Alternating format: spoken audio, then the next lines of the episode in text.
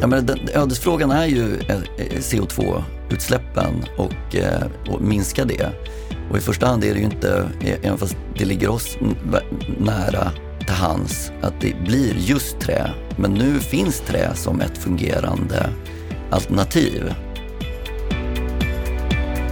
Vi ser inte någon annan lösning att i dagsläget bygga då mer i trä. Vi har ju fungerande system som gör det, så det sitter ju fast i gamla strukturer att det inte gör det. Det, det är mycket en kunskapsfråga och det är det som, som måste komma ut. Det, det är viss mån en rädsla men kunskapen börjar liksom etablera sig men det finns fortfarande arbete kvar att göra. Bygg och anläggningssektorn i Sverige står idag för så mycket som en femtedel av Sveriges totala klimatutsläpp och en viktig del är ju vilka material som används. Och de senaste åren har fler och fler höjt rösten för att öka byggandet i trä, just för klimatets skull. Men kan det vara så att ett ökat byggande i trä kan bli en miljöbov? I Bopolpodden den här veckan så får du träffa Anders Tengbom och Gustav Edgren som båda menar att det finns inte något annat alternativ än att öka byggandet i trä.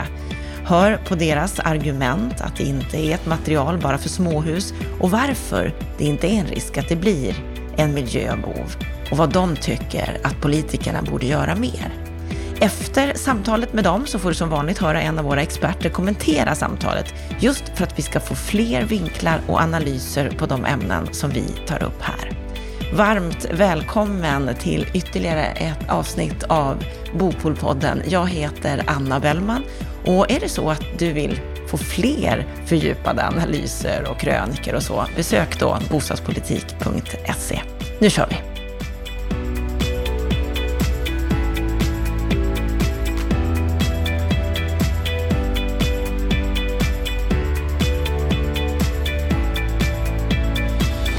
De senaste åren har fler och fler höjt sin röst för att öka byggandet i trä, bland annat för klimatets skull. Men kan ett ökat byggande i trä bli en stor klimatbov? Det ska vi prata om idag och här i studion har jag två experter när det gäller trähusbyggande. Varmt välkomna till Bopolpodden, Anders Tengbom och Gustav Edgren.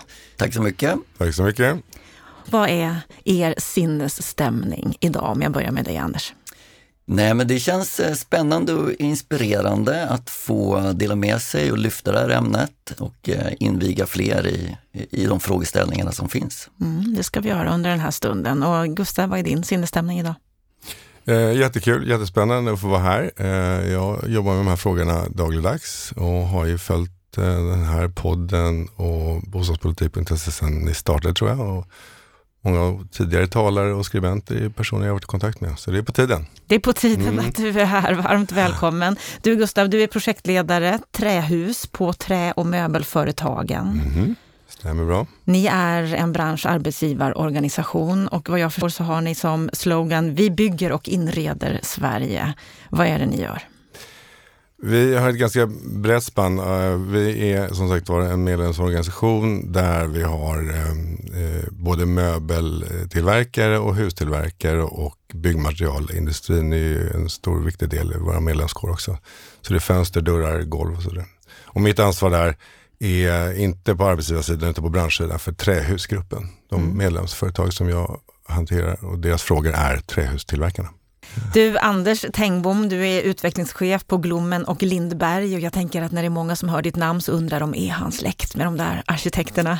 Ja men det stämmer. Jag har eh, arkitektgener tre generationer upp med eh, Ivar eh, först och sen min namne Anders Tengbom och sen min pappa Svante Tengbom som eh, fortfarande har ett anställningsnummer på, på kontoret. Och det var Ivar som startade en gång i tiden? Ivar startade och eh, drev det samtida med sin eh, då son Anders Tengbom eh, och eh, drev varsitt parallellt kontor som de slog ihop och drev det tillsammans som sen numera eh, ja, finns fortfarande. Men du blev inte arkitekt? Nej, men jag vi lever väldigt nära i familjen och har väldigt goda minnen av att få sitta i mitt, min farfars knä och varit mycket på kontoret och sedermera sen min pappas knä eh, och eh, varit med. Och förr så engagerade sig ju arkitekter väldigt mycket mer i själva byggtekniken och man ritade detaljer, eh, alltifrån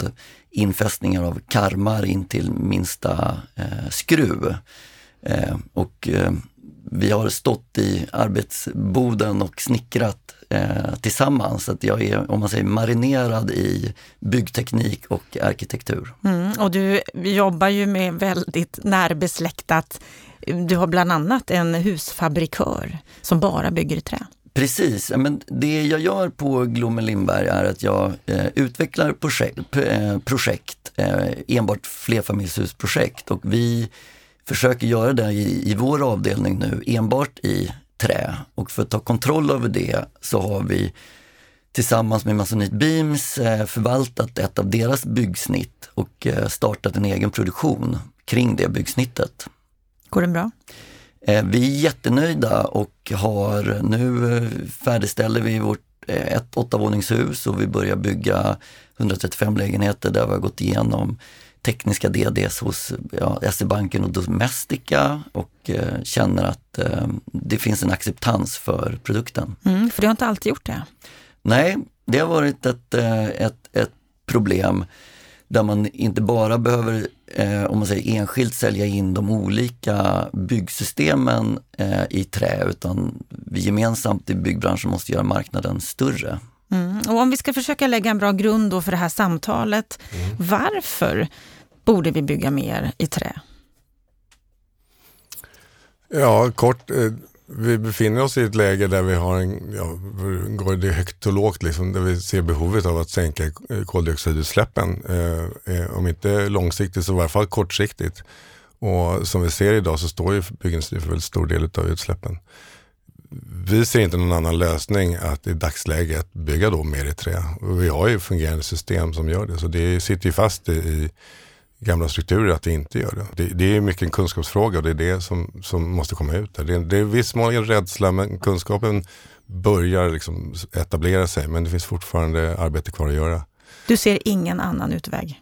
Nej, jag kan nog inte se någon annan utväg. Och det gäller ju, som jag vill liksom understryka, det gäller inte bara flerbostadsbyggande, men det är ju förstås en, en, liksom en, stor del av kvantiteten kommer ju i lägenheter, flerbostadshus. Men, och där finns det vissa tekniska utmaningar som finns lösningar på. Men på småhussidan så är det ju en, en, en självklarhet. Vi bygger ju 90% av alla småhus i trä och har gjort 100 års tid. På småhussidan så där så finns där, en större acceptans och större förståelse? Ja, det är väl liksom det, det, det är omvänt. Där är det rådande, det är det som gäller. Nej men jag håller med. Ja, men den, ödesfrågan är ju eh, CO2-utsläppen och, eh, och minska det. Och i första hand är det ju inte, eh, även fast det ligger oss nära till hands, att det blir just trä. Men nu finns trä som ett fungerande alternativ. och om det är alltså att det kommer något annat system eller man kan utnyttja andra befintliga material i en mer cirkulär eh, del i processen så ska inte vi stå och, och, och eh, eller jag gör inte det i alla fall, står och säger att det här är det enda alternativet. Nej men grön betong exempelvis pratas det ju mycket om nu. Ja. Är inte det ett av de alternativen? Jo, men den kunskapen som jag har och så som jag ser på problemet så är det lite som om man skulle säga att man, om man jämför med bilindustrin, att man sätter eh, den fossila eh, branschen och den befintliga bilindustrin i ett rum och så ska man komma fram till att miljömärka ett, ett hus och så gör man små steg i, i en återvändsgränd eller någonting som är väldigt svårt. Och de förbättringarna säger man då att det är grön betong för det är sämre än, eh, ja det är bättre än någonting annat. Men helt, om man då tar bilindustrin igen så går det inte det, blir ohållbart att de fossila krafterna och den befintliga bilindustrin ska driva det framåt. Sen behöver det komma någon som Tesla som rör runt eh, för att alla ska förstå att oj, nu måste vi step up. Och i det här fallet så tror jag att eh, det är mycket möjligt att man kommer komma fram eh, så småningom eller begränsa utsläppen för eh, i, i, de befintliga volymmaterialen. Men det man vet idag, det är att trä är ett väldigt cirkulärt material som vi har tillgång till och fungerande system. Är det det vi kan likna vid en Tesla? Tesla har ju sina problem och man vet ju inte allting som kommer hända med eh, eh batterier och hur mycket är det och vilken livs, hur många kilometer ska den hinna rulla eh, innan. Ehm, eh, och det är det jag säger, att, att gå mot ett cirkulärt eh, alternativ idag, det är viktigt att ta de besluten idag. Om det kommer fram någonting bättre om 10, 20, 30 år, då ska vi naturligtvis vända oss eh, mot Ska alltid det. vara öppna för nya lösningar. Men Absolut. du då som har en hus, som är husfabrikör och bygger enbart i trä, hur enkelt är det då att ställa om? Jag tror att man måste börja några av de här omställningarna från ett blankt papper. Det går inte att börja i någonting som inte är cirkulärt och försöka göra det lite bättre ett steg i taget. Här blev det ju, för oss blev det, det var digitalt, att liksom etta eller nolla. Att nu eh, så minimerar vi användningen av stål och betong och vi ökar det till cirkulärt material och våra hus idag består av 90% trä. Och när det gäller en annan stor del av utsläppen som vi vill minska och, och, och det som är påverkan på vårt klimat så står ju transporter för en väldigt stor del. Mm. Hur ser ni där när det gäller tillgången på trämaterialet? Kul att du tar upp det, för att vi vågar nästan säga att våra hus är närproducerade. Vi har en eh, fabrik i, i Skellefteå i Norrland och 80% av materialet till att sätta ihop hela huset kommer i, växer och produceras och förnyar sig själv i en radie på kanske 30 mil. Så Ja. det är nära. Det är nära. Vi, jag skulle vilja lägga till det som um, du var inne på i din fråga till Anders här. Att, alltså vi, vi ser ju att de studier som vi har tagit fram eller bidragit till att ta fram så är det ju inte heller, utan att förminska träets betydelse, men så är det ju inte bara träet som bidrar till den liksom, stora förbättringen rent klimatmässigt, utan det är ju den industriella processen. Så TMF prim, alltså primärt så, vi har ju medlemsföretag som bygger i andra material än trä också, men de bygger industriellt. Eh, och vad det gäller just eh, transporter, eh, och jag, tror, jag skulle vilja lägga till det att alltså, ungefär hälften av klimatnyttan och klimatvinsten man gör med att bygga med trä och industriellt kommer utav den industriella processen. Så det är långt från bara träet som bidrar till det, det positiva klimatavtrycket. Men vad gäller transporter så är det fortfarande eh, den delen eh, som eh, man jobbar mer med och hoppas på att hitta bättre alternativ. Vi har ju medlemsföretag som ligger i norr och som överväger att flytta sina eh, eh, produkter med båt istället för att belasta vägarna. Men just nu så tror jag att eh, liksom den gängse bilden är att det blir mindre miljövänligt eftersom den diesel som används i transporterna är så pass dålig kvalitet på. Eh, men som ett tillägg till, som sagt var, till, till, eh, till industrin som jag representerar så är det väldigt mycket en fråga om processer också. Lika Mm, och mycket, du har ju där mycket som gjort ett ett- materialval. Så. Du har ju där gjort ett eh, uttalande och ett upprop kan man säga mot regeringen att det är viktigt att regeringen stödjer en utveckling mot ett hållbart industriellt byggande. En artikel som var här i juni. Vad är det du skulle vilja se från, från regeringen här? Vi ser att vi har drygt 290 kommuner i Sverige och vi har ett medlemsföretag som ligger på en ort och tillverkar sina hus där och förväntas kunna leverera de husen överallt i Sverige. Men ibland så står de inför nästan en exportliknande situation där de måste anpassa sig till diverse kommuners vad vi kallar för särkrav, tekniska egenskapskrav som skiljer sig från en kommun till en annan. Det kan vara tolkningar, det kan också vara rena regelverk som man sätter upp från kommun till kommun.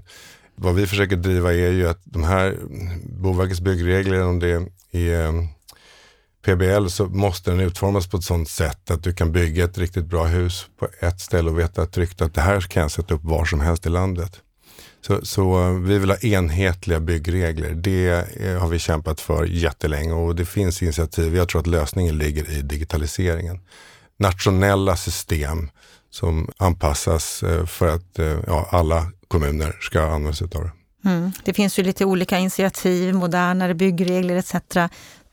Vi Ja, får se om de leder till gemensamma Ja, och Boverket har ju tagit sina initiativ och de tyckte inte att den var jättebra om jag inte ska lägga ord i mun på dem. Men delar av dem gillar de det. Så att säga. Och vi, vi är positiva egentligen till alla. Eh, vi säger gör gärna hårdare regler men skruva åt vad du vill men gör dem enhetligt tolkade. De, det får inte Så att vara, det inte skiljer från en plats till en annan. Precis, Mm. det, det är huvudverken.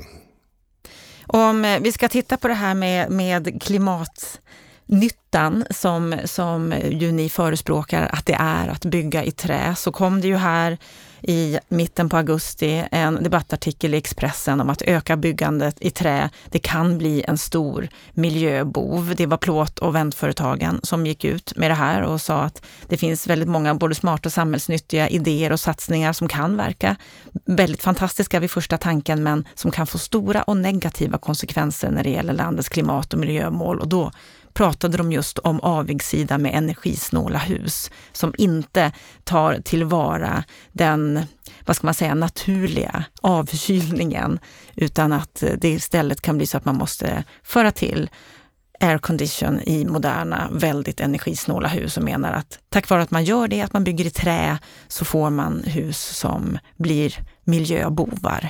Du var ganska snabb på att replikera på den här, Anders.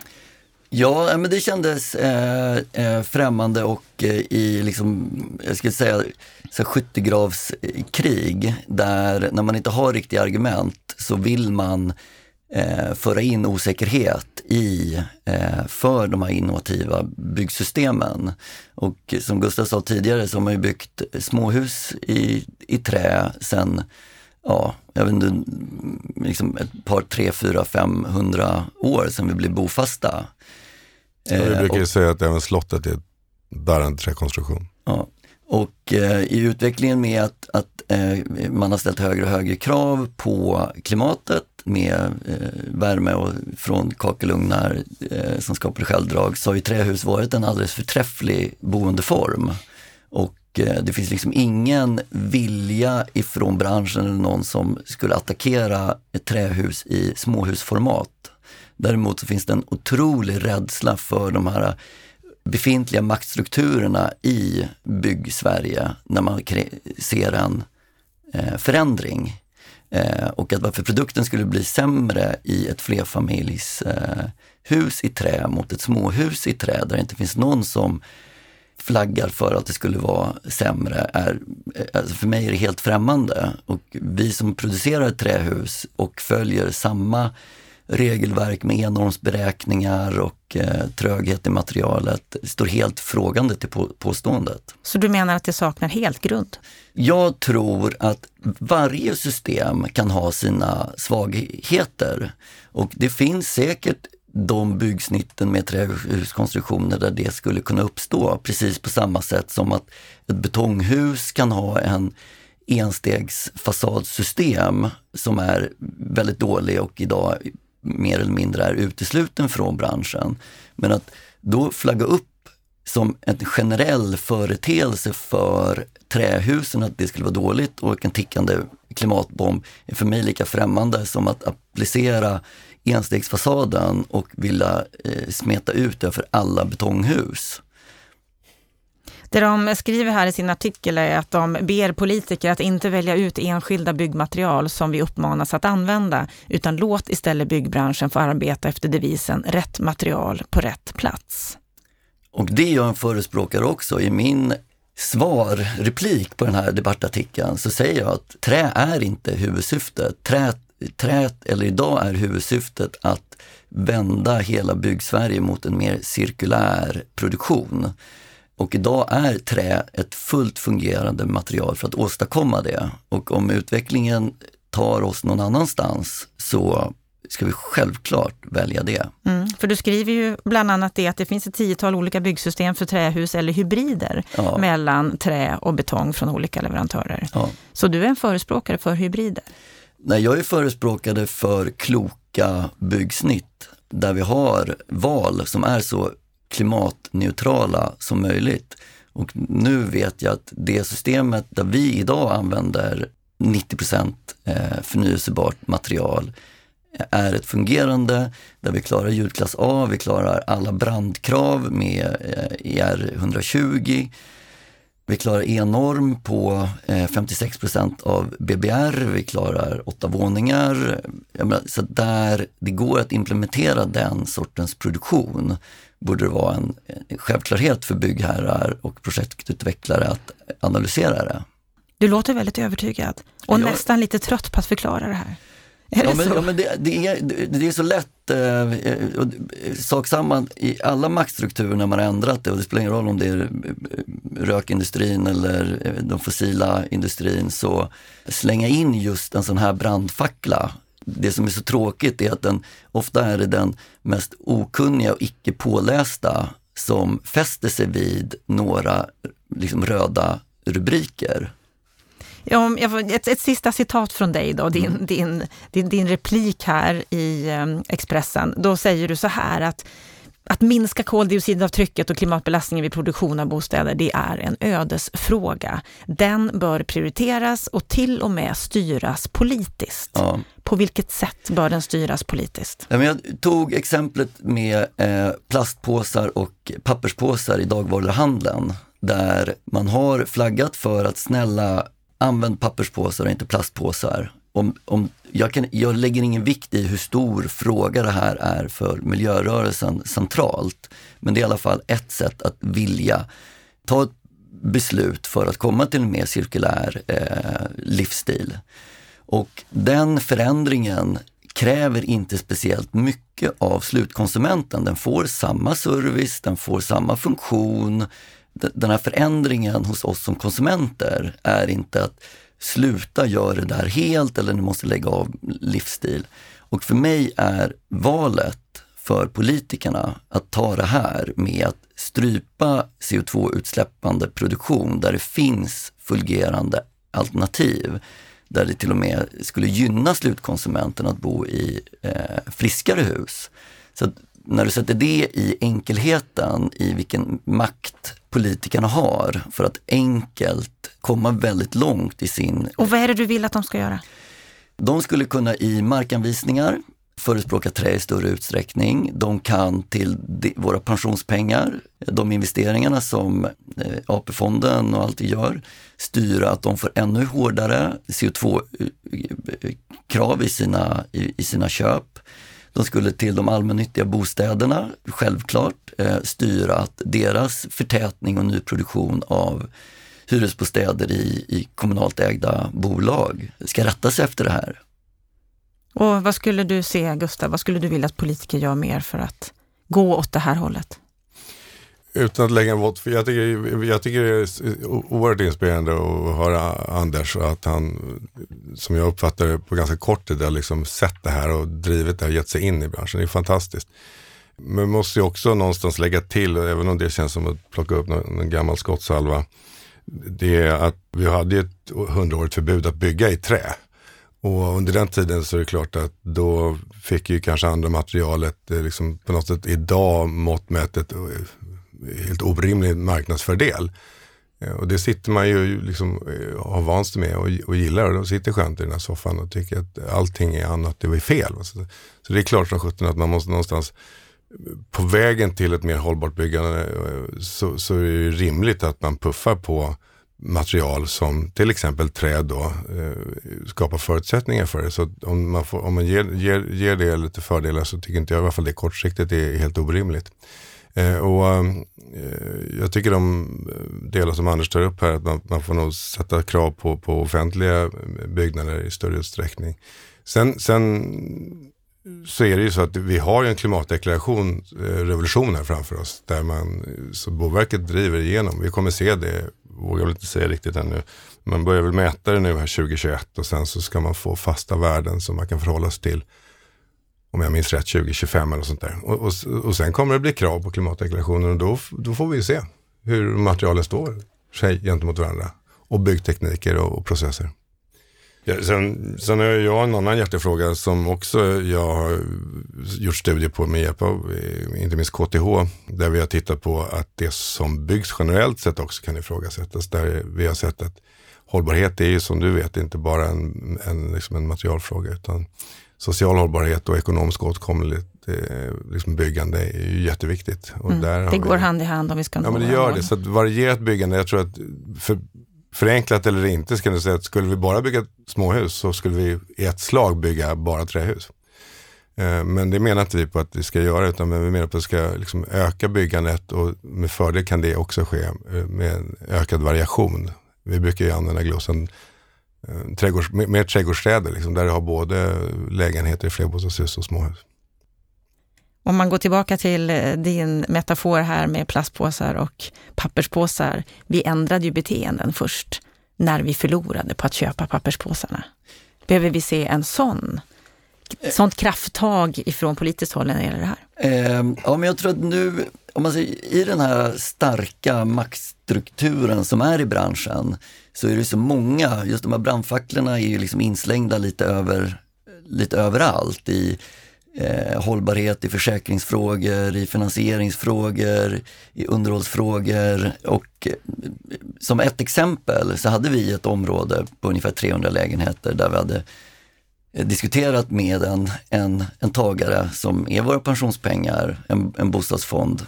Och när vi är framme med och vi liksom har satt alla ekonomiska förutsättningar för affären så gör de sin tekniska DD och så säger de så här, killar, vi, vi gör affären bara när vi bygger huset i betong. Vi får i alla fall nivå silver på det här så att vi får en grön stämpel. Och liksom, det tankesättet måste förändras och om det kommer initialt tills eh, träindustrin har hunnit optimera sin tillverkning ännu mer, om det skulle vara 0,1 eller 0,2 sämre i yield eller att det i produktion är 1000 kronor så som vi accepterade eh, att papperspåsen låg kvar på samma pris men plastpåsarna blev dyrare.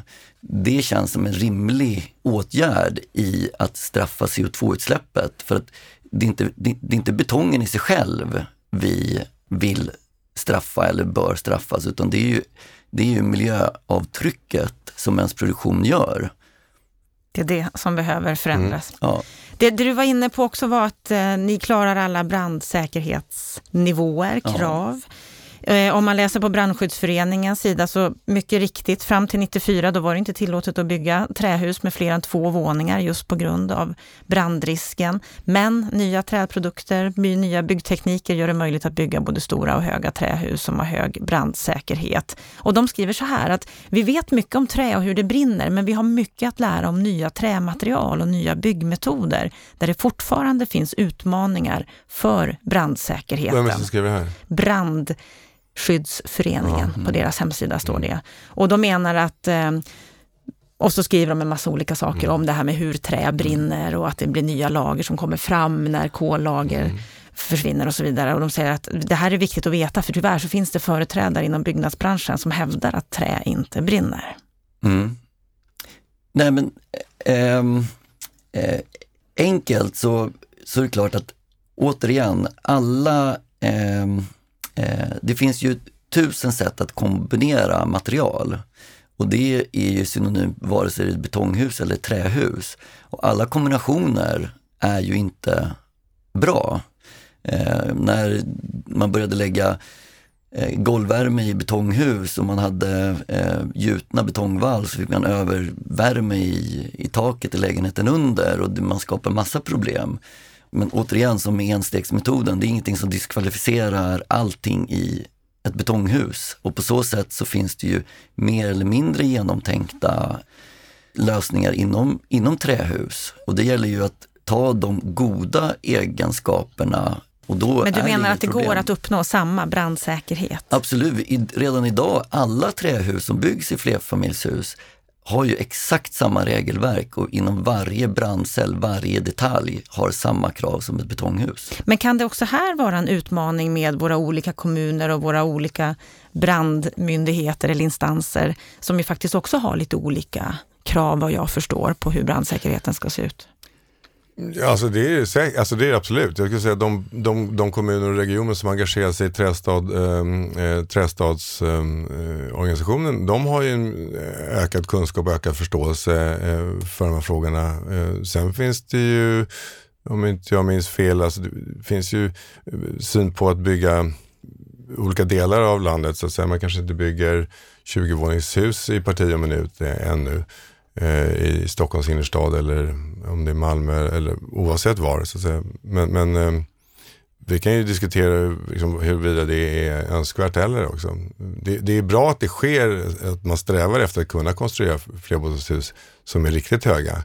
Och vi har ju hört talas om projekt i, ja, vi har i Norge höga hus och, och jag tror att även i London diskuteras vågar inte säga om det är 35 våningar eller mer. Och det är lite som Formel 1, alltså man måste ju lära sig, vi måste ju gå framåt hela tiden för att lära sig bygga högre och säkrare oavsett material. Och hur är det då med vindkänsligheten?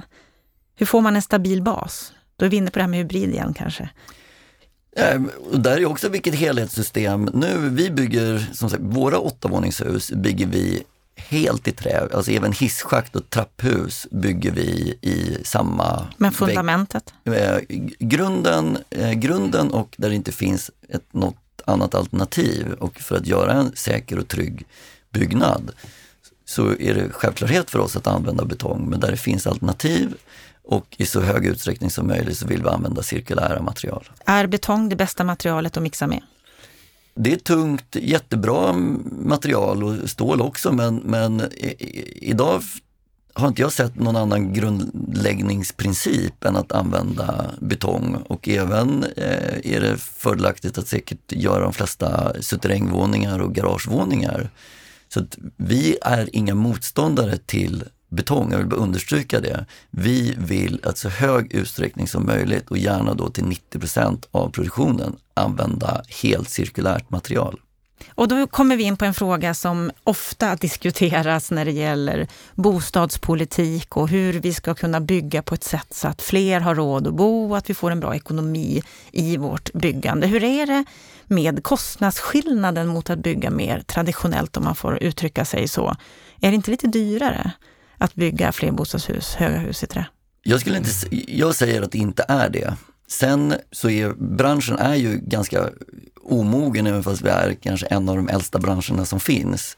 Så det är många som inte riktigt vet vad det kostar att bygga ett hus och de programfrågorna som styr utvecklingen av huset och de kostnaderna, om det ska vara en fyrspännare, trespännare, hur långt huset, eh, alltså de programfrågorna hur, vilken effektivitet kan vi ha i huset? För måste, kan vi ha lägenheter i bottenvåningen eller behövs hela bottenvåningen för att ha logistik och funktionsutrymmen för att kunna bygga de andra våningarna?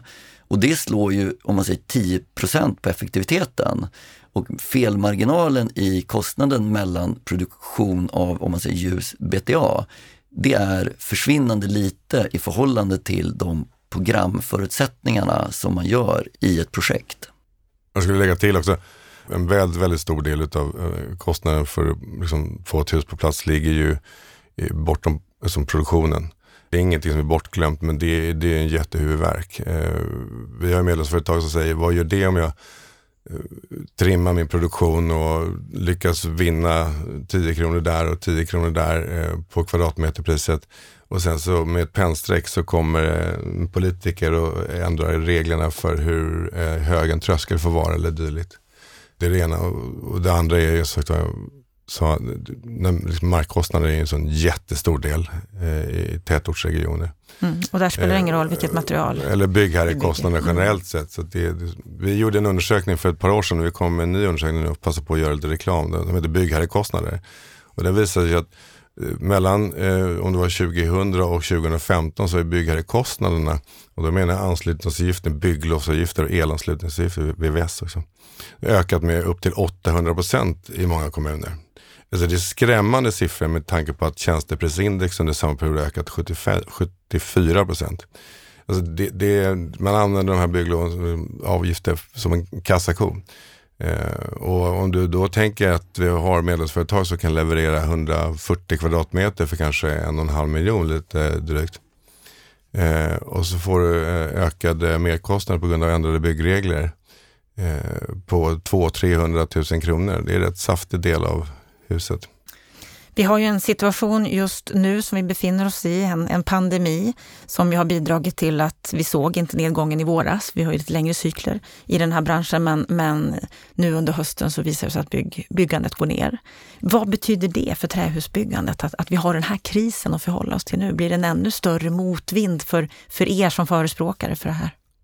Nej, men jag tror att det är många tvärtom. Eh, att nu eh, är det många som startar om och eh, har fått lite andrum att reflektera. Så att jag tror att det här budskapet är liksom välbehövligt att få ut, att trähusen finns som ett alternativ. Och för att knyta an där till, till kostnader och eh, investeringsviljan så tror jag också att om vi skulle komma till den punkten där vi byggt bort bostadsbristen eller mer balans i tillgång och efterfrågan, så tror jag att då kommer det vara otroligt klokt av de som har valt att bygga trähus för att omflyttningen och när konsumenten får makt i var han kan bo och inte bara glädjen att ha någonstans att bo. Så står man med två likvärdiga produkter så är min tro att eh, som konsument kommer du mycket hellre välja det liksom, eh, ekologiska cirkulära trähuset jämfört med ett, ja, någonting annat som inte är det. Så att, att, få ut alla de här budskapen i när branschen, om man säger, har en liten svacka och startar om, tror jag är jätteviktigt. Så det här kan leda framåt, kanske lite snabbare än annars? Eh, jag är optimist och innovatör så att jag vill tro det. Mm, vad säger du Gustav? Ja, för första gången på länge så om jag drar mig till minnes siffror som jag såg här bara häromdagen så vi släpper våran trähusbarometer nu. Då ser vi ju att eh, beräknat antal lägenheter för eh, bostäder i flerbostadshus med stomme av trä, det var en lång harang där, kommer närmaste 12 månaderna öka till en nivå som vi tidigare aldrig har sett. Så att även om byggandet har gått ner i stort sett så för just det industriella trähusbyggandet som vi ser just nu så eh, Visst, det har varit trögt och, och, och bostadsrätter är, är, svårare att få ut på marknaden. Men hyresrätter går bra. Flerbostadshus går, går just nu mot nivåer som vi tidigare inte har sett. Jag tror att vi kommer få se en, under ett, om ett år betydligt fler än vad vi ser. Jag tror det kommer öka. Jag har inte siffrorna i huvudet men ett par tusen hus kanske. Eh, och, och, sen har vi sett på småhussidan. Eh, på styckhussidan så ser det ju oväntat positivt ut. Men med reservation för att det är på alldeles för låga nivåer. Så, så det behöver ändå öka? Absolut. Mm. Jag, jag är den tron att det är ett ökat bostadsbyggande som krävs för att rädda upp situationen.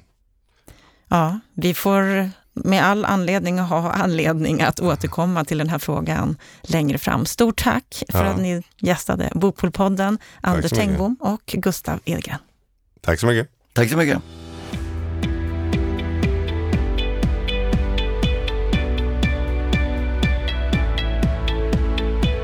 Då har vi hört samtalet med eh, Anders Tengbom och Gustav Edgren. Vad säger du om det här samtalet att bygga mer i trä, Stefan Attefall?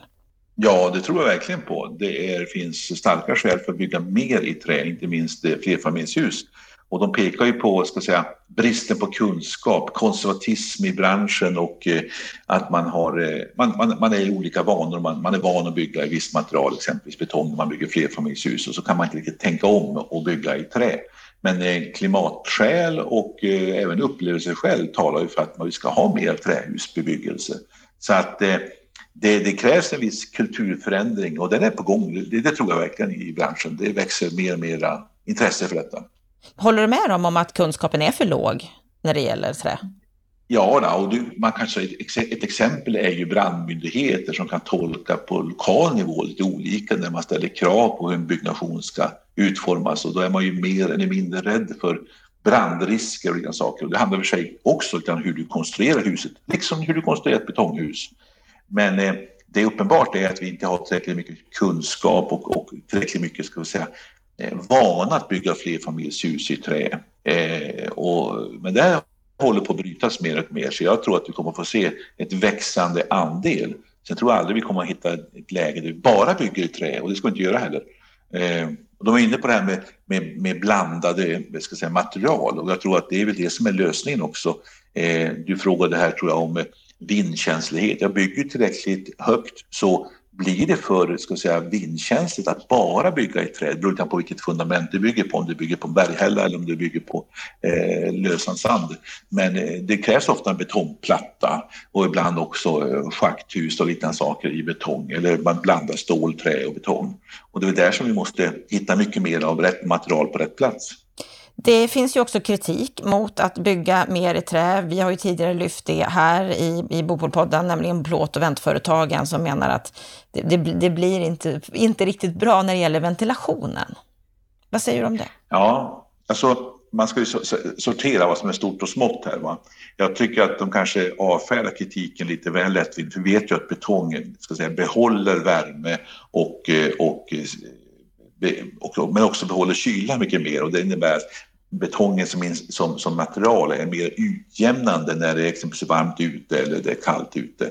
Eh, och träet inte är på samma sätt och då jämför de med småhus. Ja, men ett småhus är lätt att både vädra och, och sätta på värme och liknande saker. I ett punkthus exempelvis så, så visst påverkas de här faktorerna. Och då är, finns ju en rest att man måste ha så mycket aircondition och andra, andra tillbehör att man tappar den här miljöeffekten som finns att bygga i trä. Så det finns en viss poäng i kritiken, så man måste tänka igenom hur, många aspekter. Eh, klimatpåverkan och bygga i trä, det är ju ingen snack om saken att bygga i trä är mera klimatvänligt än att bygga i betong. Men det beror inte bara på själva materialet, det beror också på transporter, logistik runt omkring. Transporterar du under flera hundra mil trähus det är klart att det får en klimatbelastning jämfört med att om du bygger med betong på, på nära själva byggarbetsplatsen. Så man måste väga in alla aspekter. Därför den här klimatdeklarationen som är på gång nu, som Boverket har uppdrag att ta fram, den tror jag är jätteviktig så du kan se ett projekt. Hur mycket klimatavtryck ger det? Och då kommer det att framstå som att trä blir ännu mer intressant i många sammanhang, men inte överallt och inte hur som helst. Och det tycker jag är en viktig poäng. Eh, och så beror det på, som plåt och väntföretagen eh, skrev här i en debattartikel, om du måste ha eh, stora airconditionlösningar för att hantera klimatet, eh, värme utom, utanför huset när det är varmt. Eh, då, klart att då reducerar du ska säga, effekten, klimateffekten av att bygga i trä. Men det är mycket vilket sammanhang du bygger i, hur du bygger och hur logistiken runt omkring ser ut. Och det är den totalanalysen man måste göra. Och då kommer fram till kanske att trä i fler fall än idag är mycket bättre. Men också att man ska blanda mycket mer material eh, med varandra. Och ett område som de också berörde och var inne på, det var vikten av det industriella byggandet. Ja, och där tycker jag Gustav Egen har en jättepoäng. Det var att trähusfabrikanterna bygger ju i mycket, mycket hög grad i fabrik. Och det passar också att bygga i fabrik och sen så sätta upp det på plats. Och eh, då lyfter han fram en mycket viktig aspekt. Då kan man inte ha olika regler i olika kommuner. Eh, för all industriell produktion bygger på att du standardiserar antingen hela huset eller åtminstone olika komponenter i, i, som du sätter ihop på olika sätt på byggarbetsplatsen. Så ska vi främja industriellt byggande, vilket pressar priserna, vilket höjer kvaliteten och vilket förkortar byggtiden, då måste vi också ha lika regler, mindre av lokal klåfingrighet. Och det finns ett förbud mot tekniska särkrav. Problemet är att kommuner inte alltid följer det eller, eller har ju andra massa bedömningar som försvårar för industriell produktion. Här är en nyckelfråga för att främja också trähusbyggande. Mm. Så det var en idé som, som de hade som är viktig att, att lösa och komma framåt i. Vad säger du annars om deras krav på politikerna? Ja, jag, jag är inte så säker på att Anders Tengboms idéer om att han i praktiken förordar en slags extra beskattning på betonghus eller hur jag ska tolka det hela. Han jämför med plastpåseskatten som kanske inte heller är så djupsinnig rent eh, miljömässigt. Och det här med att ha styra detaljplaner så att du ska bara bygga i trä. Alltså jag tror på mindre av kommunal klåfingrighet. Jag delar Gustav Edgrens syn om att du ska inte ha massa kommunala särkrav. Däremot ska du främja byggandet av trä genom kunskap, genom att utveckla produktionsmetoder, genom att se till att det, att det, det finns ett brett utbud av, av de här olika materialen. Och sen ger man klimatdeklarationer där vi tydligt ser vilka produkter som belastar klimatet mer eller mindre. Så att jag tror mer på den taktiken än att hålla på med att styra detaljplaner. Därför att då får vi den här detaljrikedomen igen och, och vi får nya typer av tekniska särkrav som vi ska bekämpa. Vad tror du, kommer vi att få se ett ökat byggande i trä framåt? Ja, ja. och det ser vi redan nu. Det, är en, en trend. Det här kommer att växa och det gäller bara att skjuta på och jag tror att det är oerhört viktigt och vi har jättemycket träråvara i Sverige. Vi vet att mycket av förädlingen av träråvaran kommer att ske i vårt land. Det skapar arbetstillfällen och det skapar också eh, en bättre miljö. Så att eh, trähusbyggande i olika former och mer av trä i olika typer av produktioner. Det är inte bara kommer vi att få se, det är också nödvändigt. Men vi ska inte hamna i det andra diket, det vill säga att det, det är bara en sak som gäller. Det gäller att främja det goda och låta det äta sig in successivt.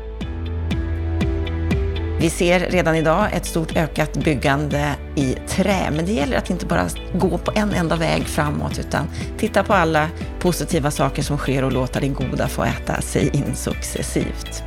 Då har vi hört samtalet om att öka byggandet i trä. Då ska vi få en repris av veckans Aktuellt som släpptes i fredags.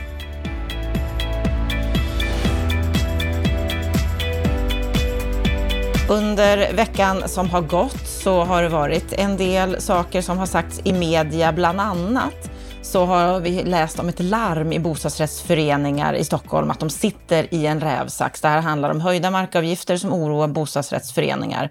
Stefan Attefall, vad ska vi säga om det här? Det är stora höjningar som vissa bostadsrättsföreningar kan komma att få nu. Ja, men samtidigt är det en ganska återkommande debatt. Och det är ju så att eh, de bostadsrättsföreningar som har eh, hyr marken av kommunen, de får var tionde år sådana här stora höjningar därför att då har ju markvärdet stigit. Och eh, kommunen tycker att det ska vara en, en, en viss avkastning på den markinnehavet och då blir det ganska kraftiga höjningar. Jag läste här att det kan bli så mycket som 100 procents höjningar på en femårsperiod för en hel del föreningar i Stockholm. Jag tror sammanlagt att man pratar om 300 föreningar i Stockholms innerstad. Och då kan det handla om att man får betala efter höjningar över 2000 kronor i månaden bara för att betala markavgiften till kommunen. Och då tänker du för en lägenhet får betala så pass mycket? Ja, per, per lägenhet ja. Och, och då reagerar ju folk och, och framför de här kraftiga höjningarna. Och felet ligger ju inte i att kommunen ska ha en, en, en viss hyra för marken, för det ligger ju själva grejen. Annars blir det skattebetalarna som subventionerar de här människorna. Felet är ju att systemet, jordabalken, alltså lagstiftningen, gör att man kan höja det här var tionde år och inte normalt varje år. Och det andra är ju att hela själva idén med tomträttsinstitutet när det blir så höga markpriser försvinner ju. För att det var ju faktiskt, och det är ju faktiskt ett bostadssocialt verktyg. Alltså låta människor, både småhusägare och bostadsrättsföreningar, bygga på mark som man inte behöver köpa loss. Då blir det mindre av kapitalinsats när man ska bygga. Människor som inte har så mycket kapital kan alltså skaffa sitt eget hem. Men Eh, då ska man ju också eh, kunna ha en slags förutsägbarhet i den här avgiften. Och det finns ju förslag i riksdagen som jag tycker är rimliga. Dels att man kan höja varje år med en slags index, men också att när jag köper ett hus eller jag flyttar in eller får ett avtal, då gäller den avgiften med en indexuppräkning. Eh, och sen när det blir ny ägare, då räknar man om det till nya taxeringsvärden. Så får nya ägaren liksom gå in på en kanske högre nivå och sen blir det en indexuppräkning under tiden som man äger sin, sin bostad. Det ska vara ett sätt att reformera tomträttsinstitutet och få bort de här avarterna. För att själva idén med att hyra ut marken och låta folk slippa köpa, den är ju god. Men den håller på att liksom bli ja, ett dåligt rykte kring hela det här tomträttsinstitutet. Men tänk på alla de områden som finns nu. Ta, om du tar Stockholm här, Enskede och Svedmyra. Och, alltså, där byggde människor hus själva med att man hyrde marken och slapp en massa kostnader. Det var ett, ska säga, ett bostadssocialt verktyg som vi faktiskt bör restaurera och återanvända i Sverige tycker jag. Men används det som det idag? Men nu är det många som köper sin Nej. bostadsrätt i en sån förening. De vet inte om nästan att det är på det här sättet utan tycker att de Nej. hamnar i en rävsax. Det är ett problem att folk inte alltid vet om det. Men det, det, används ju inte minst när man ska försöka stimulera fram hyresrätter lite billigare. Då hyr man ut marken istället för att låta, låta eh, det företag som bygger hyresrätterna eh, betala för markkostnaden på en gång och då blir det ska säga, en lägre ingångshyra. Men det blir ju ett, ett växande problem om just marken stiger i värde under, under ett antal år framåt. Men om man som förening nu har det på det här sättet att man har en tomträtt och det kommer bli kraftiga avgifter, hur ska man agera? Ja, först och främst måste man veta om att man bor i ett hus med tomträttsavgift och inte egen mark. För det är ett av problemen, man vet inte om det när man köper lägenhet exempelvis. Men det andra är nog att man, vi måste få till stånd en förändring av hela systemet. Vi kan inte ha en ordning där vi, som det är idag med de här chockhöjningarna var tionde år. Det är det som är problemet och där måste alltså politiken reformera tomträttsinstrumentet. Det är ett bra instrument som kan användas för bostadssociala ändamål men då måste man reformera systemet. Reformera systemet om man bor i en bostadsrätt som har tomträtt idag, då finns det inte jättemycket att göra. Vi ska gå vidare till ett annat område. Det ska handla om byggfel. Det är byggindustrin som 2018 rapporterade att vi har en massa misstag, fusk och slarv för 100 miljarder och Boverket de har nu gjort en uppföljande studie om det här. Vad handlar det här om? Ja, det är just en studie som visar på att det finns ungefär 100 miljarder i fusk, eh, slarv, eh, man inte har gjort som man skulle göra. Och då har man alltså gått vidare och tittat på, men vad kan det bero på det här? Och så har man prövat ett antal teser och man har gjort enkätstudier bland projektledare på nio olika projekt i Sverige. Och framträder en bild av att det är mycket av ledarskapet ute på byggarbetsplatsen som är problemet, det vill säga ledarskap i meningen hur får man alla dra åt samma håll? Hur får man alla involverade i projektet att se helheten? Det vill vad är det vi bygger tillsammans? Och det här har förstärkts också med att vi har mer och mer av underentreprenörer som har kanske sina egna företagskulturer och så kommunicerar man inte tillräckligt bra inom projektet. Och det visar den här studien. Så att eh, mer av, ska vi säga, eh, ledarskapsfokus, mycket mer av att underlätta för de som håller i projekten att skapa en helhetsbild så att varje hantverkare, varje enskild aktör förstår jag är med och bygger det här tillsammans och vi har ett gemensamt ansvar. Eh, det är mycket sådana här saker som de alltså pekar på som är bristerna och det, det skulle kunna reducera kraftigt de här byggfelen och därmed massa kostnader och massa självklart också obehag för de som ska flytta in i de här nybyggda husen. 100 miljarder, det är enorma summor vi pratar om.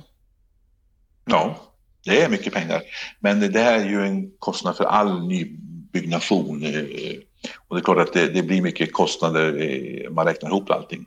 Men eh, vi har alltså ett stort systemfel och då kan man ju säga att ja, men det är enskildheter, det är ett misstag där, ett misstag där, ett misstag där, ett slarv där. Men du måste hitta på vad är som är de bakomliggande strukturerna som förenar många av de här olika sakerna. Och då har de kommit fram till att det finns mycket kring företagskultur, ledarskap, att skapa en gemensam målbild för alla involverade och få med sig alla underleverantörer. Så det är liksom så här, lösningen som man pekar på och det tror jag är en sak som branschen borde ta till sig nu och fundera mycket på. Hur jobbar vi med att utveckla ledarskap och struktur och styrning av projekten? Här finns en utvecklingspotential för att uttrycka sig diplomatiskt. Om vi ska avsluta veckans Aktuellt så behöver vi göra det med riktigt bra bostadspolitik. Partierna, vi har sett att både Centern och Liberalerna, de har varit ute och pratat mer om social housing. Vad kan vi mm. se här när det gäller partiernas bostadspolitik? Ja, det som är intressant att se nu hur partierna formulerar sig i den här allmänna motionstiden och vi ska komma tillbaka till en mer heltäckande analys av vad partierna tycker. Men en sak som sticker ut och är intressant är ju att social housing i olika former börjar bli ett begrepp i svensk bostadspolitik. Inte minst Centern och Liberalerna lyfter fram behovet av särskilda lägenheter för resurssvaga individer. Och eh, de har lyft fram det i olika program, de har lyft fram det i riksdagsmotioner. Eh, lite oprecist ännu exakt vad de vill ha. Men det här är ju en del av diskussionen som också blir en följd av också mer diskussion kring fria nyproduktionshyror och också kanske, som en del vill ha, eh, mer av marknadshyror i befintliga beståndet. Nu ska vi vara ärliga och säga så här, vi har ju lite grann av social housing eh, i Sverige redan idag med de här kommunala förturslägenheterna. Ungefär 25 000 sådana lägenheter finns runt om i Sverige. Så att eh, det är aldrig svart och vitt de här frågorna. Men det är uppenbart att vi har en, en tendens till att det lyfts röster nu för att ha någon typ av svensk variant av social housing. Speciella bostäder i hyresbeståndet för resurssvaga individer. Och den debatten eh, den blir spännande att följa för den kommer att växa, känner jag på mig. Ja, för det har ju varit lite avigt kring den. Vi har ju lyft, lyft det några gånger, men många tycker ju att det är lite svårt att ta i den här frågan.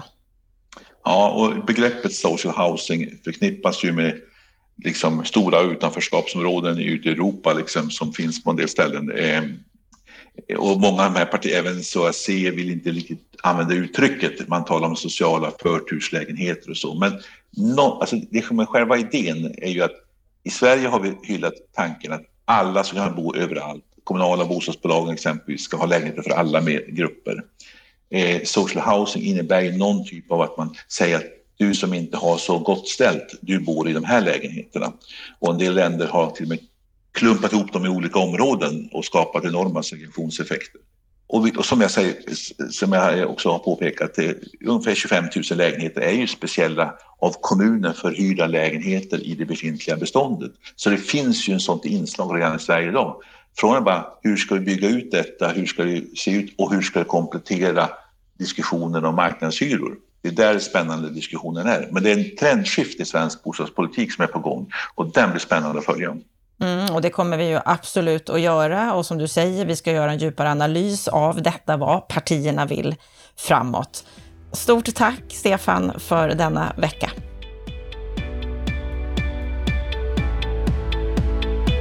Mm, då kan vi ju ställa oss frågan om vi kommer att få se mycket mer av debatt kring social housing här av våra partier.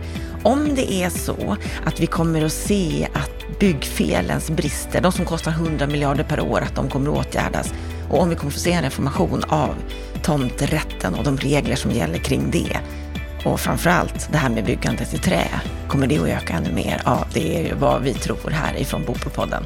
Stort tack för att du har lyssnat på oss den här veckan. Vill du komma i kontakt med oss? Då gör du det på podd bostadspolitik.se. Ha nu en riktigt, riktigt bra vecka.